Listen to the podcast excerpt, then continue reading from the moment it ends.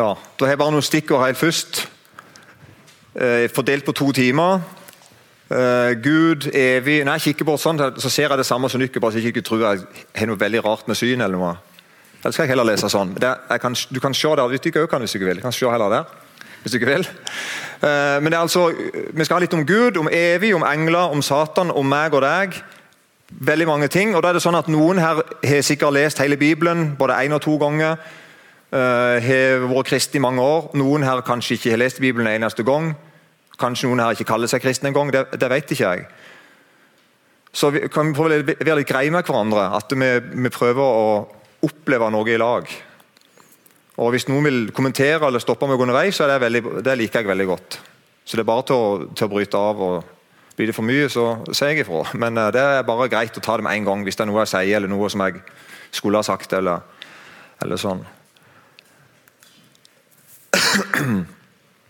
For vi må Vi må stoppe med dette. Um, kjenner jeg Gud? Kjenner du Gud? Eller kjenner du bare en fortelling om noe som du tror er Gud? er Gud bare en idé, noe vi må hjelpe hverandre å holde fast på. Og det har jeg et inntrykk av Mange tenker at de kristne de blir færre og færre, iallfall her til lands. I resten i verden blir det stort sett flere og flere. Men her i Norge blir vi tilsynelatende færre og færre. Og så tenker nok noen at de kristne må mer og mer møtes, som liksom prøver å holde fast i det, det, denne guden sin. For Han var så stor før når alle trodde på han, men nå har guden blitt så liten for det er så få som tror på han. Det der, det, De tankene der må vi vekk ifra. Er du ikke med? Det er ikke sånn det fungerer. Om det, så, om det så er ingen i Norge som tror på Gud, så det ingen, gjør det ingen forskjell for Gud hvem han er, hvordan han er, at han er. Så viktig er ikke vi og de tro, at vi kan tro ting til eller tro de vekk. Så Gud er ikke en idé. Gud er ikke en, eh, noen mennesker som har forklart dere hvem Gud er. Gud er Gud. Og han er evig. Hva vil det egentlig si at Gud er evig? Hva vil det egentlig si at Gud er tre, men allikevel én? Hvordan er Gud? Forandrer Gud seg? Altså sånne spørsmål. Hvis du har sånne spørsmål, Gud velsigne deg. Jeg syns vi er altfor få sånne spørsmål om hvem Gud er. Gud er ordentlig. Han lever han, akkurat nå. Og det er altså da merke at folk, enten de er gamle, eller unge, eller halte eller blinde, skulle jeg si, om det er folk som har vært kristne i mange år, eller som ikke har peiling, det er som møter folk som sier at 'jeg lurer på hvem Gud er', for han er jo.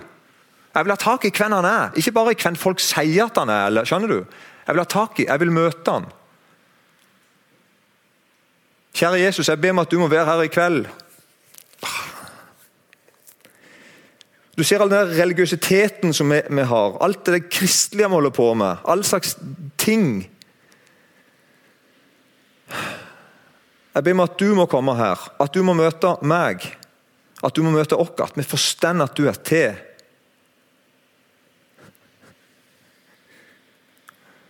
Amen. Hvor kommer Gud ifra? Bibelen forteller hvor vi kommer ifra. Det tror jeg alle her kan si at jo, Ifølge Bibelen så er vi skapt i Guds bilde. og sånn og sånn. Vi vet hvor vi kommer ifra. Vi vet litt kanskje hvem foreldrene våre òg, de fleste av oss og kanskje til og med hvem besteforeldrene er. og sånn, og da, dette jeg har vettet på det, så dette jeg har, for jeg er ikke så interessert i slekt, men det er til og med noen som ja, du ikke skjønner. Vi vet litt hvor vi kommer ifra. Hvor kommer Gud ifra? Bibelen sier ganske mye om det. Vi har bare lest to-tre plasser. I 1. Korinterbrev 2, 6-8. Likevel, vis, likevel, visdom taler vi blant de fullkomne, men det er én visdom som ikke tilhører denne verden, eller denne verdens herrer, de som går til grunne. Nei, som et mysterium taler vi Guds visdom, den skjulte som Gud fra evighet av forut har bestemt til vår herlighet. Denne visdommen kjente ingen av denne verdens herrer. Gud er som, Gud er ikke som folk. Gud er ikke som andre folk. Det er noe spesielt med Gud, noe ikke vi kan tenke ut sjøl, samme hvor glupe vi er. I Forkynneren står det Jeg forsto at alt det Gud gjør, det var evig. Ingen kan legge noe til, ingen kan ta noe fra. Slik har Gud gjort for at vi skal frykte ham. Det som er, det var allerede før. Og det som skal bli, det har også vært før. Gud søker fram igjen det som svant. Skjønner du ikke? Dette er en beskrivelse av noen som ikke jeg kjenner her på jord. Gud er annerledes. Han er evig, først og fremst. Og han er ifra evigheten. Og det han gjør, varer evig. Og ingen kan liksom gjøre noe med det, egentlig. Det blir sånn som han har sagt. Jesaja 40. Hvorfor vil du si, Jakob, og tale slik Israel, min vei er skjult for Herren, og min Gud bryr seg ikke om min rett? Vet du det ikke, eller har du ikke hørt det? Herren er den evige Gud, som skapte jordens ender. Han blir ikke trett, han blir ikke utmattet, hans forstand er uransakelig. Gud er annerledes. Hva er egentlig evig for noe? Hva vil, vil det si at noe er evig?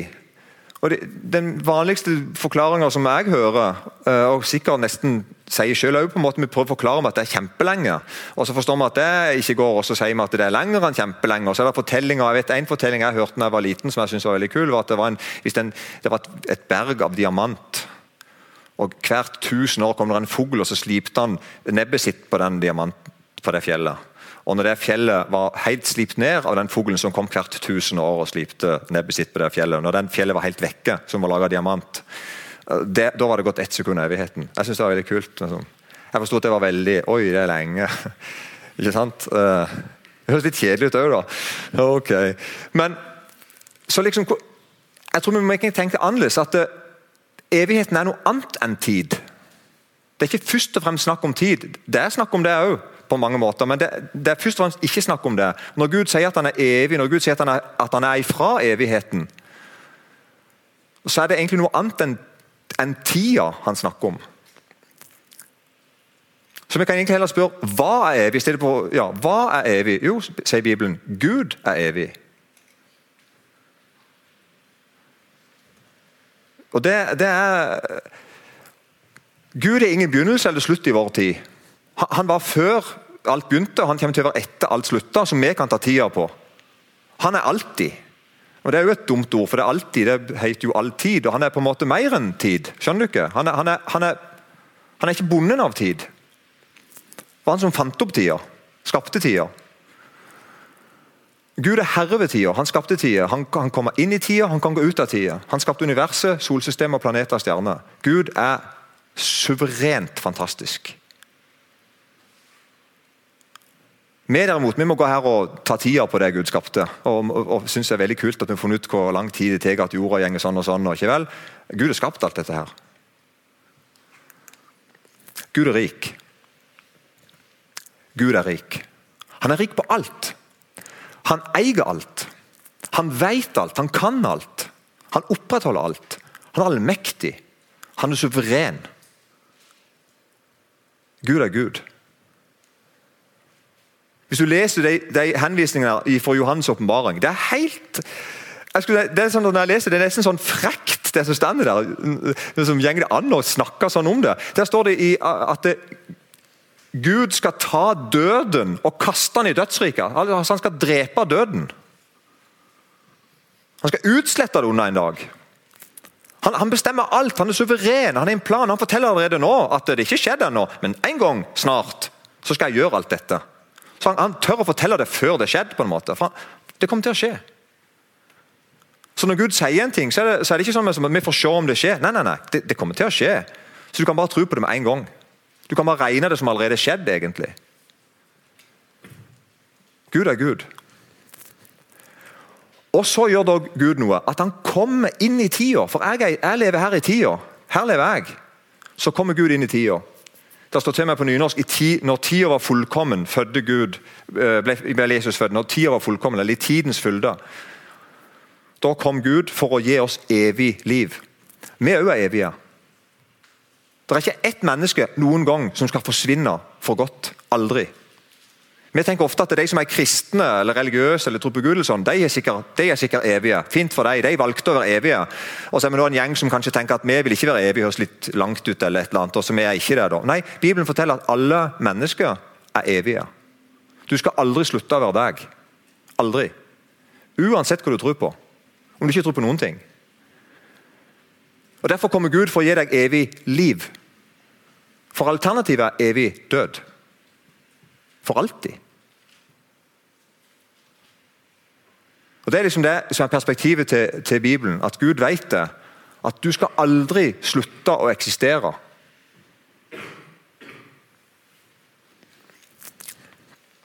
Det er to ting vi her inne eier alle i håp. Jeg eier en BMW 1998-modell eh, som bruker altfor mange desiliter på mile. Men, men eh, du vet, han er, han er snart forbi. Øyeblikk søppel. Det er mange ting vi eier, men egentlig strengt tatt, så er det bare to ting jeg og deg her inne eier. og Der er vi alle like. Fattige eller rike eller sånn her på jord. Det er to ting vi eier. Og Det ene vi eier, er nå. Du eier nå. Eller nå. Eller nå. Eller nå. Det, det eier du. Er du med? Du eier ikke i stad. Det er forbi. Det er ikke ditt lenger. Og så eier du nå. Du eier ikke om ett minutt. Du eier nå. Er du med? Det eier du. Alle mennesker eier nå. Jeg eier nå. Og jeg eier nå. Og det andre jeg eier, er evigheten. Alle mennesker eier evigheten i den forstand. Han er deres. Evigheten er kommet for å bli. skulle jeg si. Evigheten fins. Han fantes før jeg ble skapt, før jeg ble født. Og han kommer alltid til å finnes. De to tingene. Jeg kan aldri unngå nå, og jeg kan aldri unngå evigheten. Det eier jeg. Og det er egentlig alt jeg eier. Når jeg dør, så er det alt jeg har med meg. Det var det nået og evigheten. Så står BMW-en igjen, da. Håper at den er heven lenge før jeg dør, eh, for å si det sånn. Ellers er det ikke lenge til jeg dør, nemlig. Um, og Derfor så sier Bibelen altså at du må, du må forstå alvoret i å leve akkurat nå. Det, og, det, og, det, er nå som teller. Gud snakker aldri nesten om i morgen og i går. og sånn. Han snakker om nå.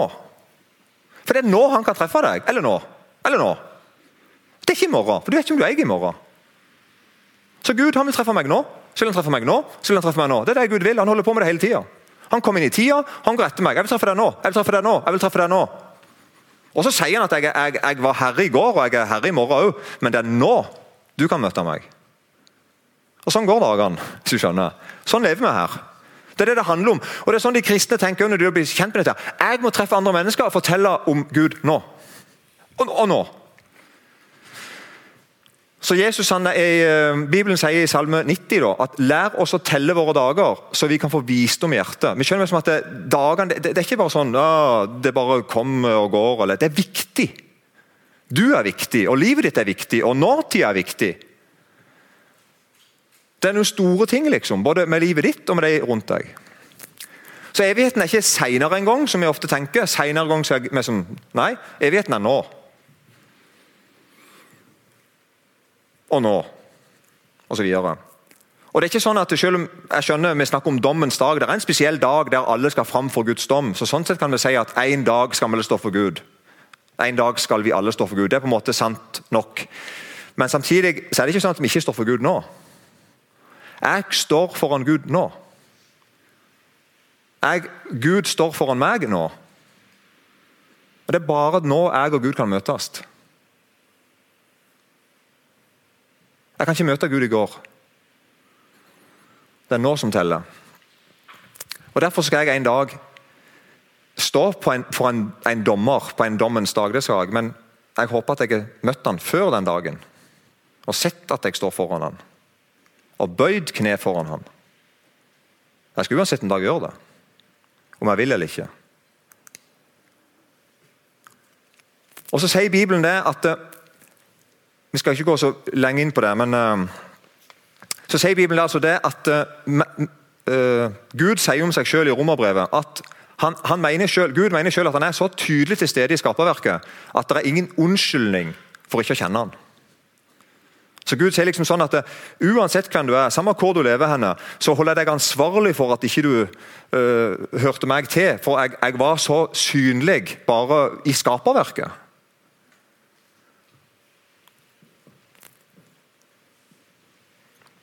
Så, sånn sett kan alle mennesker oppleve litt av hvem Gud er, og at det fins en Gud. og mange kjenner en, ja Det er mange måter å beskrive det på, men altså, vi skal ikke stoppe oss lenge for det. Men Gud sier om seg selv at jeg er åpenbart meg i, sånn, i det naturlige. Dere bør forstå at det er noe mer enn dere. Dere bør se at det fins en Gud. Dere bør rette blikket dere oppover.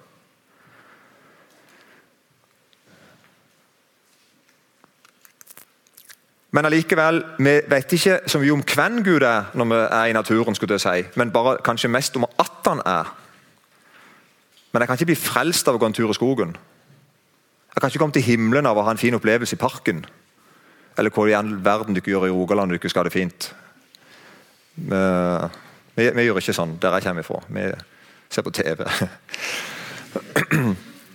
Så derfor, det, derfor må det noe mer til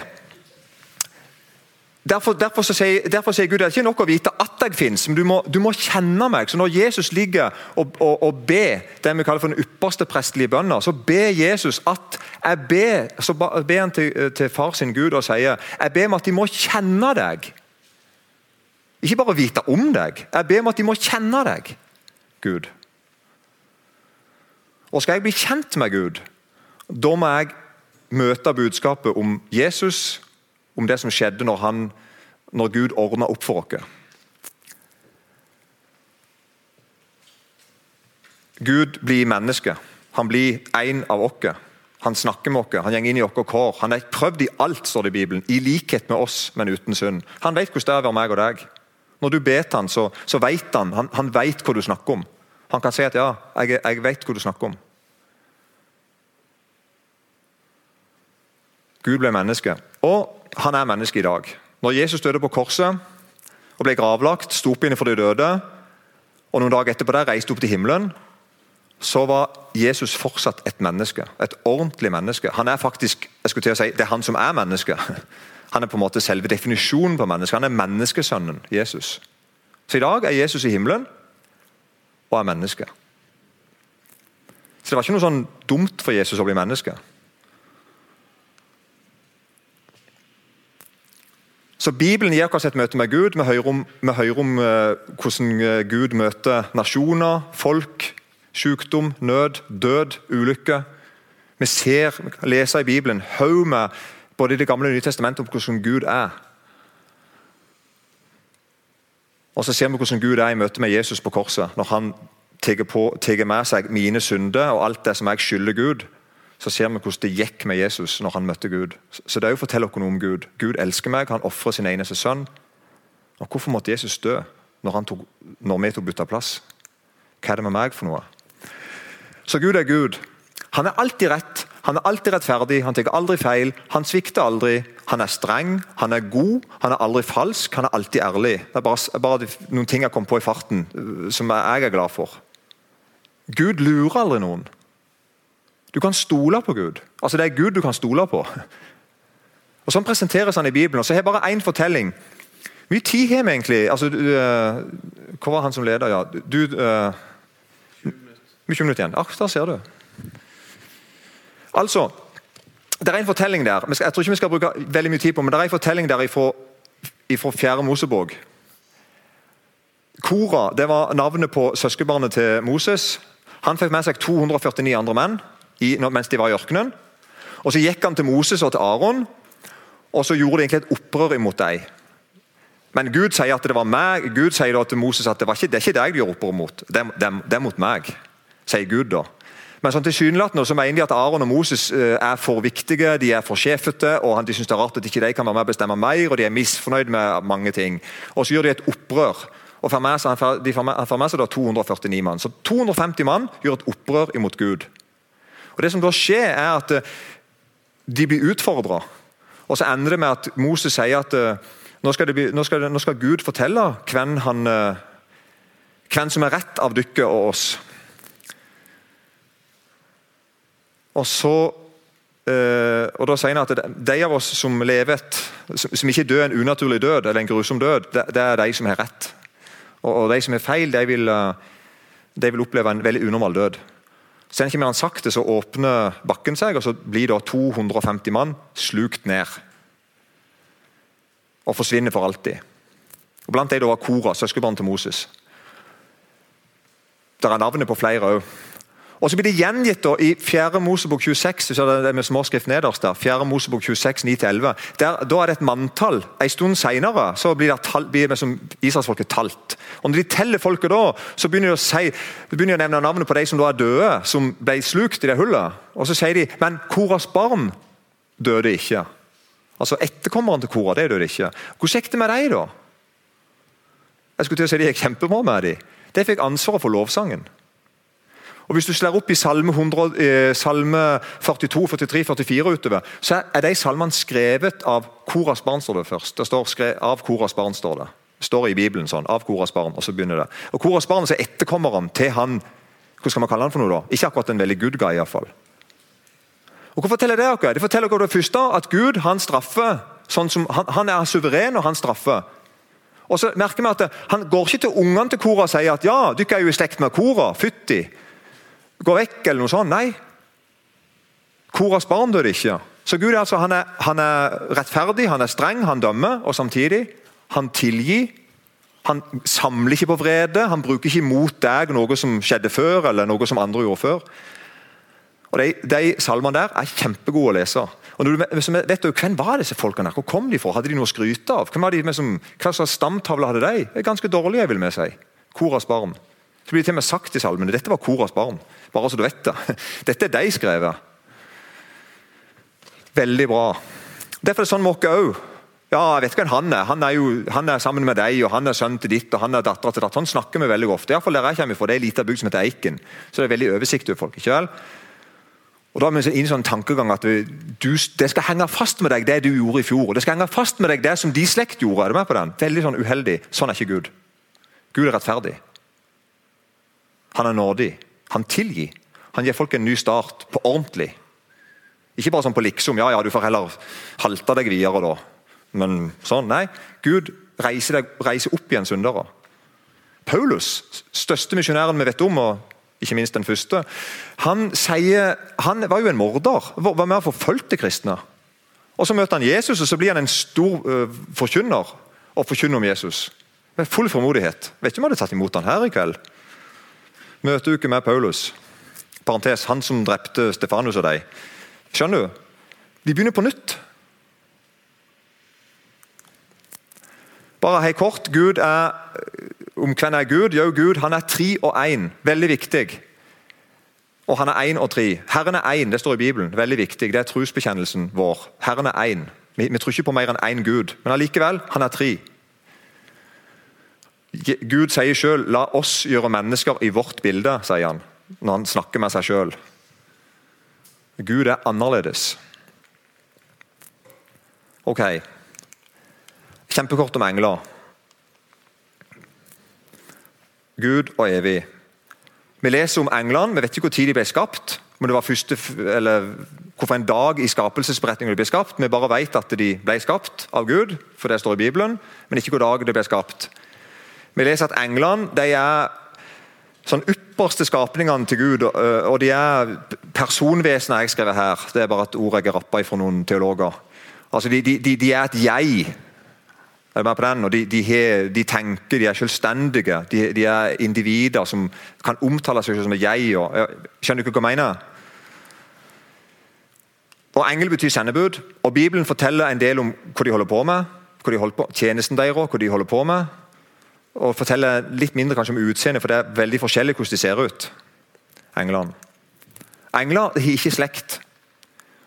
Det står f.eks. i Jesus' sin diskusjon han hadde med noen, med noen folk. Så sier Jesus at englene tar ikke til ekte og blir ikke gitt til ekte. Altså de, de, er ikke i slekt, de er bare én og én. De er ikke i familie, de får ikke babyer. De gifter seg ikke og skiller seg ikke. De, de, er ikke sånn. De er bare én og én. Mens mennesker vi er skapt i slekter, så vi hører til noen, hele gjengen. Alle har en far og en mor og en far og en mor og bakover sånn. Mens englene ble skapt én for én. Sånn derfor sier Bibelen at når et menneske, altså Adam, når han falt i synd, så falt alle de som kom etter han òg. De arva, de arva hans forhold til Gud. De arva det han gjorde. Det fikk følger for, for hans sønn og for deres sønn og datter osv. Det står i Romerbrevet 5 for eksempel, at derfor, liksom synden kom inn i verden ved ett menneske, og døden pga. synden og døden slik trengte gjennom til alle mennesker. Altså, Ett menneske gjør noe galt overfor Gud, det får følger for alle mennesker. For det er i slekt. Når en, når en engel faller, så er det kun den ene engelen det får følger for. Er det ikke med? Engler får ikke nåde får ikke tilgivelse. Jesus døde ikke for noen engler. De er ikke en del av evangeliet, av frelsesplanen til, Gud. Sånn at når en engel falt, så ble han kasta ut med en gang. Den ene gjorde noe galt, og den ene gjorde noe galt, og samme hvor mange det var. Og det var ganske mange. Og Så sier Gud at eh, de englene som falt, de skal jeg, når tida her på jorda er slutt, skal jeg holde en dom. og Da skal jeg ta alle de englene som falt, og plassere dem helt for seg sjøl i en plass som vi da kaller for helvete. Det er den plassen Gud skal lage. Den plassen fins egentlig ikke ennå, men en dag skal han ta alle de englene som falt, og plassere dem der. Og Det var ganske mange som ble med han engelen som gjorde opprør mot Gud. og Alle de ble kasta ut. Ble kasta ned på jorda, står det en plass. Ble kasta ut av himmelen. Mista forholdet sitt til Gud. Og vet i dag at de er på vei til en straffeplass som er helt forferdelig.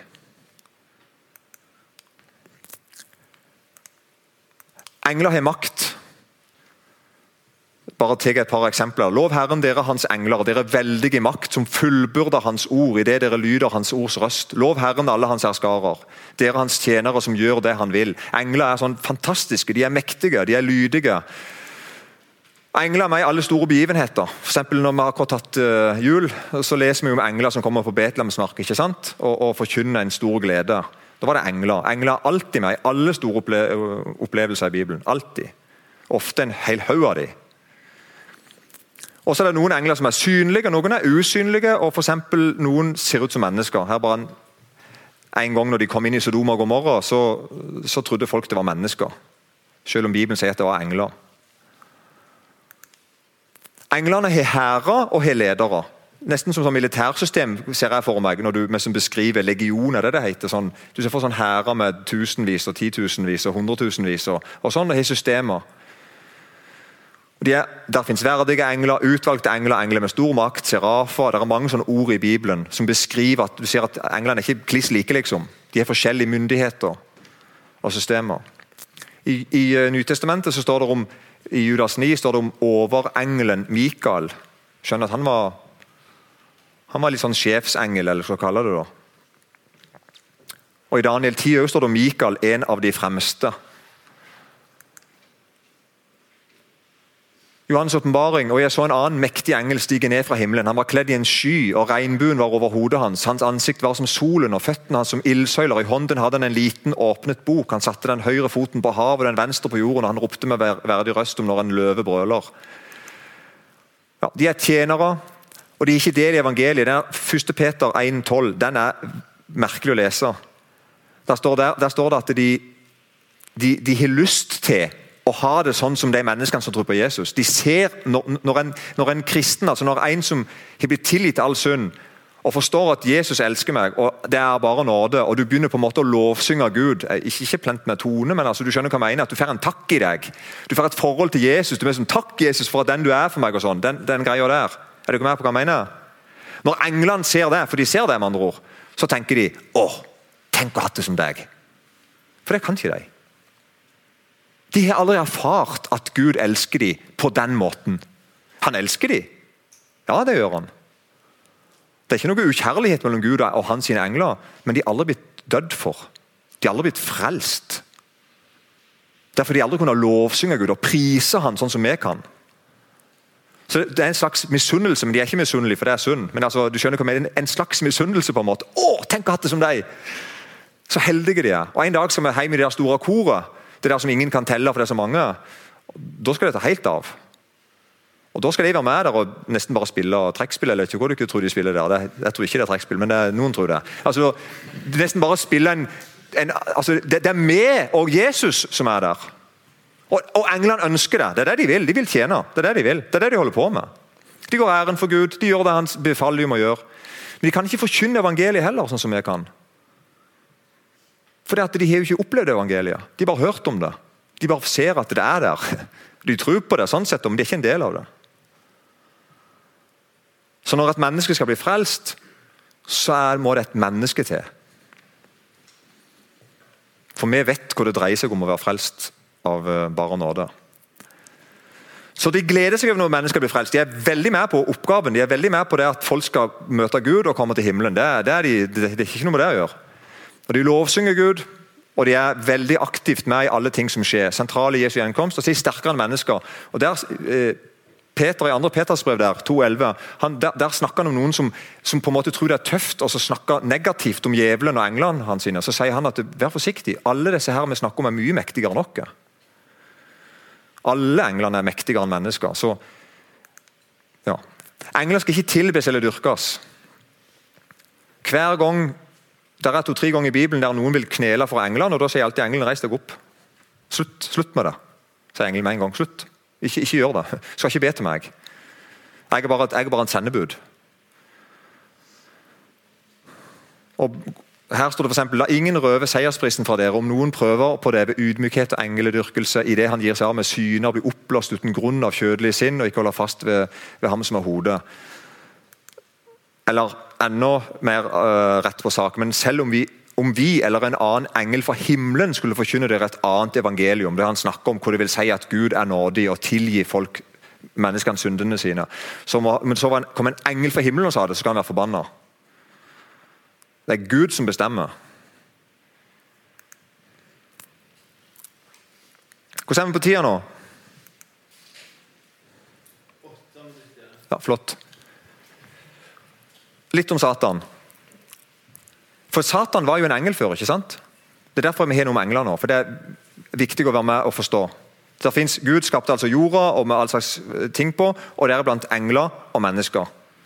Og når en engel falt, så ble den ene engelen falt, ble holdt ansvarlig for det han selv gjorde, og ble kasta ut. Ingen kjære mor, skulle jeg si, ingen, ingen sånn, ingen sånn for, Du får sjanse. Ingenting.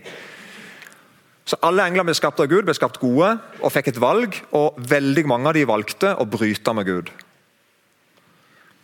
Og Det er ingen som snakker mer om dette enn Bibelen. Det er ikke sånn at Bibelen ønsker å, jeg håper ikke menneskene finner ut av at det var et opprør i himmelen en gang. Jeg håper ikke menneskene finner ut av at det er noen engler som ikke er bra og som er sterke. Nei, Det er Bibelen som forteller dere dette. her. Rett, bare sånn, Forteller det beint ut til dere, så vi skal få, skal vi skal få greie på det.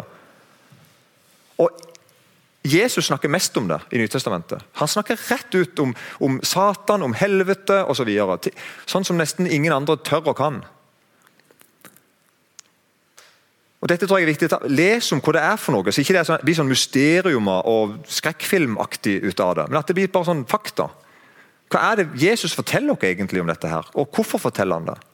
Og så er det jo det at Bibelen forteller ikke bare sånn for å si skremme, men han jo forteller løsningen. Og han, han gir løsningen. Han er løsningen på problemet. Og Det er jo derfor jeg tror Jesus kan snakke om det, hvis ikke så var det ikke vits i. Hvis det var et problem som var uløselig. Men Jesus snakker om det, for han vet at jeg er sterkere enn Satan. Jeg, jeg er vunnet. Jeg er seierherre. Det er allerede Jesus nå. Men når vi, når vi, hører om Satan og om hans engler, så, så er det vi som opprør, ondskap, konsekvenser, fristelser, falskhet og løgn, egoisme, død. Alle sånne fy-ord, sånne negative, tunge ord som vi likevel er vant med. I, hver dag så opplever vi sånne ting. Og hører om sånne ting. Det er på en måte å bringe djevelen inn når han kom. Og For å forstå dette her, så må du spørre hva er egentlig synd? Dette er onde, egoisme, alt dette her. Hva er det for noe egentlig? Hva er som skjedd for noe? Og Når vi leser Bibelen, så er det mange uttrykk på det. Jeg har bare funnet fire. overtredelse, misgjerning, ugjerning, forbrytelse. Er ikke med på, har ikke hørt uttrykkene før? Du skjønner litt Overtredelse er jo at det er sånn typisk advokatprat. at du, Det er en regel, og så har du trådt over den. Sant? Det er en grense, så har du overtrådt den. eller det er en gjerning du ikke skulle ha gjort, så det blir en misgjerning. Eller en ugjerning, eller rett og slett forbrytelse. Og Bibelen også sier det at synd er lovbrudd. 1. Johannes 3,4.: Hver den som gjør synd, bryter også loven, og synd er lovbrudd. Veldig sånn så, Ja, det er så enkelt som det høres ut, på en måte. At det er, er et lovbrudd. Det er altså en regel, du bryter regelen, og du har brutt en lov. Ergo så har du gjort synd. Det, er den vanlige måten å snakke om. Da er det synd imot Gud, det var han som bestemte det, og synd imot deg sjøl. Det siste det tror jeg at vi snakker mindre om. Den siste tingen her. Synd mot, mot uh, seg sjøl. For det, synd er unaturlig. Det skal jeg bruke tre minutter før vi tar pause og så si. Uh, uh, vi skal ikke ha noe debatt ja, ja, Det skal ikke jeg bestemme, forresten. Men jeg, jeg har ikke lyst til å starte en debatt nå om noe homoekteskap eller homofili og, og, sånne ting. Men det jeg hører nå at mange kristne argumenterer med at uh, jeg mener det er galt med, med samkjønnet ekteskap, homofilt ekteskap, fordi det er jo unaturlig. Så tenker jeg ja, ja, jeg kjøper logikken, men du må ikke tro det er naturlig å baksnakke. Du må ikke tro det er naturlig å lyge. Du må ikke tro det er naturlig å være egoistisk. Du må ikke tro det er naturlig å drive heterofil hor. Skjønner du? Vi har liksom bare funnet ut et par synder vi syns er veldig unaturlige akkurat nå, og så definerer vi dem litt sånn vekk. Bibelen sier at det er unaturlig å synde. Du skulle ikke ha gjort det. Du er ikke skapt til å synde. Enten det er lyging, eller baksnakking, eller banning, eller skjønner du ikke, stjeling eller Samme hva det er. Det er det Bibelen sier. Så Det er litt sånn urettferdig synes jeg, når vi skal ta ut et par synder og så Skjønner du ikke hva jeg mener? Vi må snakke rett om det, rettferdig om det, syns jeg. Så det er naturstridig og gudstridig å synde. Og vi, eh, vi, lever nå altså i et land der det er hundrevis av selvmord. Vi er altså på topp i verden i å ha det godt når det gjelder penger og mat og hus og heim og utdanning og you name it. ikke sant? Og, og Vi har det godt òg. Mange av de tingene vil ikke være foruten de. Allikevel så er det enormt mange som ikke er det bra. Det er det vi snakker om nå. Det er det, det, den onde vil. Ødelegge livet ditt. Ikke bare evigheten din. det vil Han også. Han vil ødelegge livet ditt. Han vil ødelegge selvtilliten din, selvbildet ditt. Tanken på deg sjøl, tanken på deg rundt deg, tanken på kroppen din. tanken på alt mulig. Det er det, det, det, er Satan vil. Det er det han holder på med. Det er det han elsker å gjøre. Og Da må vi, da må vi forstå at Når jeg blir kjent med Gud, så vil han han må lære meg altså Det er ikke naturlig å tenke sånn som jeg tenker. Skjønner du hva jeg mener? Det er ikke bare det der med lovbrudd, å bryte et bud eller ikke. Det det er noe mye større enn det. Det djevelen øh, gjør for oss.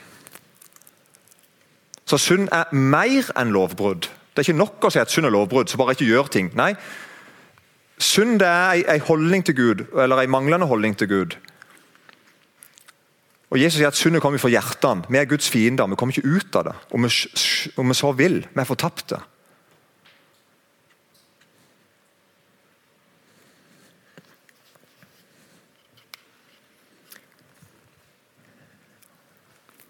Her sitter, her sitter vi uh, fast, tror jeg, mange av oss, på en måte, i, i ting vi sliter med. Vi tenker at det, har nok ikke Jesus noe med. Det har nok ikke Gud noe med. Det, dette handler nok ikke om Guds nåde. eller dette, skjønner du? Enten det er angst eller, eller depresjon eller sykdom generelt eller mobbing eller Men det er her det kommer ifra. Det kommer ikke til å være mobbing i himmelen. Jeg kan garantere deg det. Ingen sitter og drikker kaffe og snakker bak ryggen din om deg i himmelen. Er det ikke mer? Skjønner du? Alt dette her vi opplever daglig, som vi tenker på at men det er unaturlig. Nei. Det er unaturlig, og det ødelegger oss. Og Det bryter dere ned, og det bryter deg rundt deg ned. Og Jesus har en, eh, en løsning på det. Eller Jesus er løsningen på det. Merkelig pass å stoppe, men jeg stopper der likevel. Takk.